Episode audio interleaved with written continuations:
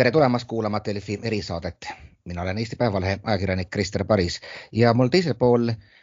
internetiühendust on Karmo Tüür, politoloog, kellega hakkame rääkima siis noh, ärevatest aegadest, mille on põhjustanud Valgevene hübriidrünnak Euroopa Liidu piiridele ning eile tuli ka avalikkuseni suur, laiemalt teade,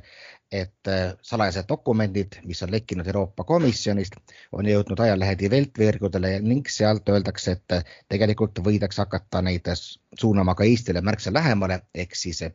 Minskist Pihkva lennuväljale. no sealt on juba natukene niimoodi kümmekond tundi jalgsi meie piirile.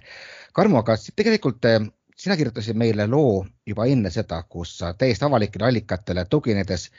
ütlesid, et noh, et see Minski Pihkva lennuliini avamine on olnud ju täitsa kavas, aga et praegu on pannud Venemaa eh, ikkagi käe ette, et kuidas seda siis avamist või mitteavamist kogu selles praeguses kontekstis tõlgendada? ma ütleks, et need kaks protsessi on paralleelsed, mitte üksteisest sõltuvad ja mitte üksteisest tulenevad. Eh, selle Minsk Pihkva lennuliini avamine on olnud Pihkva praeguse kuberneri Mihhail Vedernikovi ammune soov õigemini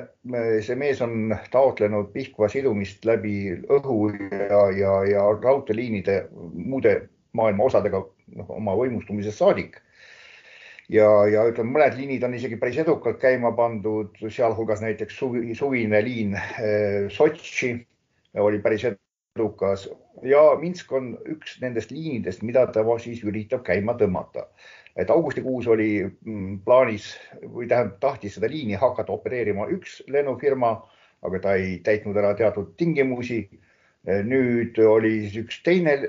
firma pakkus ennast operaatoriks, aga siis Venemaa lennuamet ütles, et ka noh, ühesõnaga seal olid nii-öelda tehnilised probleemid, mille tõttu seda luba praegu ei antud. aga see liin nüüd, kui pannakse käima, siis teda ei panda jaoks, aga võidakse kasutusele võtta migrantide poolt. nii et see lennuliini avamine ja migrandivoog äh, läbi Valgevene ei ole omavahel sõltuvuses, ehk siis üks tekib või ei teki, sõltuvalt sellest, kas teine on või ei ole. aga see praegu ütleme see, et seda lennuliini ei avatud, et see oli ikkagi mingil määral poliitiline samm või täiesti ei, ka juhtus juhus? ei, ei, see oli täiesti tehniline, vähemalt jällegi mina tuginen ainult avalikele allikatele ja need andmed, mida mina näen, oli puhttehniliselt, et see lennufirma, kes tahtis seda liini hakata opereerima, lihtsalt ei täitnud ära, noh, on olemas teatud tehnilised eh, tingimused, noh näiteks ütleme, kui palju on tal endal olemas lennumasinaid, kui palju ta rendib, millised on nende Eh, lennumasinate vastavused lennuradadele ja nii edasi. ehk siis see konkreetne lennufirma, kes pakkus ennast operaatoriks, ta lihtsalt lennuameti poolt lükati tagasi enne, et, et seda ei võeta kaalumisele, seda, seda taotlust ennem kui ta ei täida ära seal teatud tehnilisi tingimusi, nii et see oli täiesti tehniline tagasilükkamine mm. -hmm. ehk siis vaata, kui me mõtleme praegu selle peale, et ikkagi sellele stsenaariumile, et võidakse tuua siis neid samu no valdavalt Iraagist imporditud äh, migrante, ütleme Eesti piiri äärde, siis tegelikult ta peaks vastama ka teisele tehnilisele tingimusele ehk siis Venemaa peaks ikkagi, Venemaa piirikontroll peaks ütlema, et jah, te võite sisse tulla. Ja ehk siis vot see on nüüd jah, see pool, mis on poliitiline, et Venemaa peaks siis näitama avalikult enda rolli selles konfliktis. noh, ütleme need migrandid, kes on kohale toodud Valgevenesse ja üritavad praegu üle Poola piiri minna, noh, eelkõige Saksamaale, aga ka mujale. Neil on nüüd võimalik hakata otsima muid teid, noh, üks on siis nii-öelda illegaalselt tulla üle Valgevene-Vene piiri, mida nad teha ei tohi, kolmandate riikide kodanikud ei tohi seda ületada. kui ja..., vist, vist saavad, et selle piirikontroll on ikkagi noh, peaaegu et olematu või minimaalne, eks vaidlen vastu, tähendab -hmm. formaalselt ta peaks olema üks liitriik ja seal ei peaks olema mingit mm, piirikontrolli, kuid reaalsus on see, et seda piiri on Venemaa poolt viimastel aastatel vastupidi üles ehitatud ja järjest tihedamaks aetud seda sõela. Seda on eelkõige tehtud sellepärast, et Valgevene on olnud väga noh, kuidas öelda noh, jõhker oma sellise majandusliku noh, salakaubandusliku tegevuse poolest. Ja Venemaa pool on üles ehitanud seda majanduspiiri Valgevenega päris tihedaks selleks, et peatada neid sõna otseses mõttes kümneid veoautosid, mis üritavad Venemaale sisse sokutada, noh, alates Poola õuntest kuni siis kuskil kaugemalt pärit krevettideni ja pluss väga-väga massiivne salasigarettide äri, mis liigub Valgevenest Pihkva oblastisse ja sealt edasi nüüd siis läbi kas siis Eesti või Läti. Et eh, ehk siis Valgevene ja Venemaa piir tegelikult on Venemaa poolt muudetud suhteliselt eh, monitooritavaks Need ikkagi just nimelt poliitilised otsused, nagu sa mainisid, mainisid, et no võtamegi kogu selle küsimuse veidike laiemalt, et mis praegu üldse Venemaa roll on, et kui lugeda erinevaid analüütikuid, siis päris palju ähm, kostab sellist väljendit, et ta praegu nagu naudib mängu täiega. Artjom Schreibmann heale kolleegile Postimehest Jaanus Piirsalule umbes ütles samasuguse väljendi või ta ikkagi pigem aitab seda kuskilt tagant vaikselt orkestreerida? noh, jah, seda mul on nüüd, eks ole, raske dokumenteeritult väita, aga, aga puht niimoodi tunnetuslikult. Valgevene ja Venemaa on järjest rohkem selles mõttes siiski ühte sammu astuvad, eriti mis puudutab välis- ja julgeolekupoliitikat. majanduspoliitika osas Valgevene noh, vähemalt üritab ajada sõltumatut asja, aga välis- ja julgeolekupoliitika käivad neil ikkagi käsikäes ja mul oleks väga-väga-väga keeruline öö, uskuda, et Valgevene oleks selle sammu teinud ilma seda vähemalt Venemaaga kooskõlastamata. Ehk siis minu nägemus on siiski see, et Venemaa on praegu teadlikult tegemas seda mm, hübriidrünnakut Euroopa vastu lihtsalt Valgevene kätega läbi Valgevene territooriumi, muutes muuhulgas Lukašenko enda pantvangiks. sest noh, see on umbes samasugune paarisrakend nagu on Hiina ja, ja Põhja-Korea. Äh, Hiina väga rõõmsalt laseb Põhja-Koreal olla selline agressiivne tegelane ja mahitab teda sellepärast, et selles paaris rakendis Hiina näeb välja täiesti soliidne partner, kelle poole ülejäänud maailm pöördub selleks, et Hiina kuidagimoodi ohjeldaks seda Põhja-Koread. Nii samamoodi Venemaa teeb Valgevenega, näidates Valgevenet sellise äh, agressiivse, etteennustamatu tegelasena, näeb Venemaa sellel foonil järjest parem välja ja Venemaa poole pöördutakse proua Merkel helistab Vladimir Putinile nüüd juba kaks päeva järjest selleks, et äh, Vladimir Putin kuidagimoodi mõjutaks Lukašenkat. nii et see on selline. mul tuli kohe sama mõte praegu pähe, et täna tuli siis veel teade, et Venemaa saatnud välja signaali ka Eesti suunas, just nagu nemad oleksid valmis liikuma edasi piirilepinguga, mis on meile olnud niimoodi korduvalt okas hinges, just hakati täitma siis uuesti Euroopa gaasimaardlaid, et selline huvitav mm, halva ja ja hea politseiniku mängimine. absoluutselt ja vot siin, miks noh, nüüd ongi, et miks seda, mm, see migrandi saag praegu käima tõmmati, sest noh, tegemist ei ole, eks ole, mm, sõjapõgenikega, kes, kes akuutse konflikti ees pagevad, vaid see oli teadlikult orkestreeritud protsess. kas seda tehti nüüd puhtalt Venemaa poolt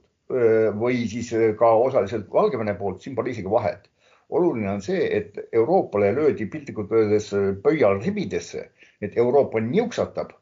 ja siis ta pöördub öö, abi saamiseks nüüd selle poole, kelle poole ta saab ehk siis Venemaa poole ja, ja Venemaa ja ka Valgevene on täiesti ettekindlad, et Euroopa tuleb nende jutule, juhul kui piisavalt valusalt vajutada ja Euroopa tulebki.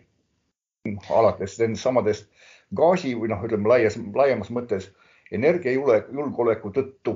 Äh, sealhulgas ka siis ütleme Ukraina äh, kriisi tõttu ja nüüd selle migrandikriisi tõttu. ehk siis praegu tehakse teadlikult Euroopale nii-öelda haiget, teades seda, et Euroopa äh, reageerib sellele noh, etteennustatavalt, pakkudes raha. Ja raha on alati vaja. Ennist, kui me rääkisime, see ennist oli paar kuud tagasi, siis kui käisid parasjagu õppused Zapad kaks tuhat kakskümmend üks, siis oli ka juttu sellest, et, et just nagu mängite seda noh, migrantide või inimeste kasutamist piiri peal relvana läbi, et nad läksid umbes siis ka Valgevene piirivalvurid, kas kümme meetrit umbes Leedu territooriumile ja nii edasi, et kuivõrd sa näed sellele sellist noh, militaarset mõõdet? jah, on väga noh, selleks peaks olema nüüd seal nendes samades äh, põgenikelaagrites sees ja suutma kuidagimoodi välja peilida, et kui paljud nendest nii-öelda äh, põgenikest on tegelikult siis äh, militaartaustaga ja, või siis noh, nagu on sellises sõjalises termi terminoloogias on need kahetise rakendatavusega, et nii tsiviil kui militaarrakendusega inimesi. jällegi oleks väga keeruline arvata, et neid nende ei ole noh, siin mõningad allikad väidavad, et, et neid on ka teadlikult treenitud ennem Afganistanist ja, ja, ja Iraanist, tähendab Iraagist on, on teadlikult korjatud siis inimesi, keda on treenitud vastavalt käituma piiridel mm, oma, kuidas öelda siis penetreerimist tegevust efektiivsemalt teostama. nii et see on kahetise kasutatavusega asi ja see, et Valgevene-Venemaa piiril neid ähm, operatsioone ette läbi mängiti õppuste käigus. noh, kas nüüd näitab seda, et lihtsalt need õppuste planeerijad olid väga targad inimesed ja, ja mõtlesid läbi erinevaid stsenaariumeid ja, või siis noh, tõepoolest harjutati seda, mis, mida tuleb hakata reaalselt ellu viima no kui me militaarterminitega spekuleerida, siis noh, seesamas lähedal on ka, ka see meie, meie nii-öelda kinnipigistatav kõri, Šuvalki koridor, et, et palju sa näed, et see võiks olla kuidagi suunatud selle peale, et äkki noh, et Euroopal tekib märksa tõsisem probleem kui mingite piirilõikude kaitsmine, no siiski kõigest tuhandete migrantide eest. Jah no ma kõigepealt alustan sellest lõpust, et jah, see kõigest tuhanded, sest tõepoolest tegelikult noh, kogu selle olukorra kunstlikkust näitab see, et praegu on jutt noh, maksimaalselt kahekümnest tuhandest äh, põgenikust, kes on toodud Valgevenesse ja kes üritavad siis Euroopas infiltreeruda. see on noh, tõepoolest see on piisk meres, võttes arvesse kasvõi seda, et näiteks seesama Poola on endale vastu võtnud, noh vastu võtnud, ütleme lubanud enda territooriumil elama ja tööle näiteks umbes eh, ligi üheksasada tuhat ukrainlast, umbes sada viiskümmend tuhat valgevenelast. et noh, juba ainuüksi nende arvudega võrreldes see kakskümmend tuhat eh, uut tulijat on noh köömees, lõpuks no Poola võiks seda alla neelata ja, ja ei juhtuks midagi. Eh, mis puudutab jah, selle Suwalki koridori küsimust, noh ei pea olema eriline militarist, mina ei ole militarist, aga lihtsalt vaadates kaardile ja, ja saades aru, kus kohas praegu toimub see noh, nagu nõelatorge, et see on niivõrd lähedal Kaliningradile, et seal on noh, ütleme see äh, umbes niimoodi sajakilomeetrine lõik, mis on, on, jääb kahe asja vahele, Kaliningradi ja, ja siis selle Poola-Valgevene piiri vahele.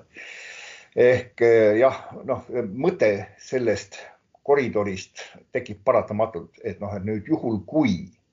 Poola hakkab äh, väga noh, kuidas öelda, ütleme mitte, et kui Poola hakkab ise relvastatud konflikti äh, ajama, aga kui see provokatsioonide teel viiakse sinnamaani, et asi läheb kineetiliseks ja see on väga lihtne seda teha äh, mhm. visata sinna migrantide laagrisse paarkümmend automaati ja need tulipead viivad asja kineetiliseks ise siis noh, loomulikult tekib olukord, kus seda lõiku võidakse hakata nii-öelda nii alt Valgevene poolt kui ülevalt Kaliningradi poolt. Ja, ja noh, see sõjalise stsenaariumi eh, niimoodi lahti rullumine on vähemalt teoorias seal imelihtne no vaatame, mis siis täpselt maa peal juhtuma hakkab, aga võtame kokku veel juttu sellega, et kuidas see mõjub, kogu see, kuidas kogu see kriis nüüd ikkagi paistab sellise üldisema ühiskondliku tausta poolt, et noh, mina sain aru, et nagu Valgevene kanalid ja vist ka Vene kanalid pigem näitavad, et tõesti migrandikriis käib ja võib-olla isegi hübriidrünnak käib, aga seda lääne poolt nende suunas või kuivõrd see aitab nii-öelda siis, siis noh, Venemaa enda režiimi, kui me, kui me räägime ennekõike Venemaast ja, ja ka, ka Lukašenka režiimile nagu sisepoliitiliselt kaasa? jah, noh, selles mõttes ma soovitan, kellel vähegi on keeleoskust ja aega sellega tegeleda, siis võiks läbi lugeda selle eilse Lukašenko, tähendab Valgevene presidendi siis nõupidamise valitsusega, kus siis muuhulgas oli jutuks seesama migrandikriis et noh, need ütleme seal kakskümmend lauset, mis on sel teemal kirjutatud, näevad välja täpselt niimoodi, et vaadake, meie peame aitama neid vaeseid põgenikke, me peame neile viima küttepuid ja, ja seal aitama lapsi ja neid rasedaid naisi oma sanatooriumitesse. et noh, et me nagu näidatakse ennast võimalikult humanitaarse sellise noh, kuidas öelda, heategijana ja sinna hulka siis loobitakse täiesti lahtise tekstiga neid sõnu et näete nüüd jah, milline on see Euroopa, kus on need inimõigused, kus on see sõnavabadus, kus on need euroopalikud väärtused, mida meile üritatakse peale suruda. Te ju näete, mida need poolakad teevad ja siis kasutab täiesti lahtise tekstina sõnu fašistid, lurjused, gestapo ja Uskumata. samal päeval äh, saadab siis, eks ole, õnnitlust telegrammi Poola rahvale, rääkides harmooniast ja, koostööst. täiesti skisofreeniline pilt selge, aga ma kujutan ette, et seda skisofreenilist pilti on meil nüüd ähm, lootuse kartust näha veel, no vähemalt järgmised nädalad, kui mitte järgmised kuud, võib-olla talv kuidagi teeb lõppu ja sunnib äh, osapooli jõudma äkki mingile kokkuleppele siis. ma ei tea, Karmo Tuur, suur aitäh äh, sulle siis äh, selgituse jagamise eest. mina olen Krister Paris, Eesti Päevalehe ajakirjanik ja jälle kuulmiseni uutes erisaadetes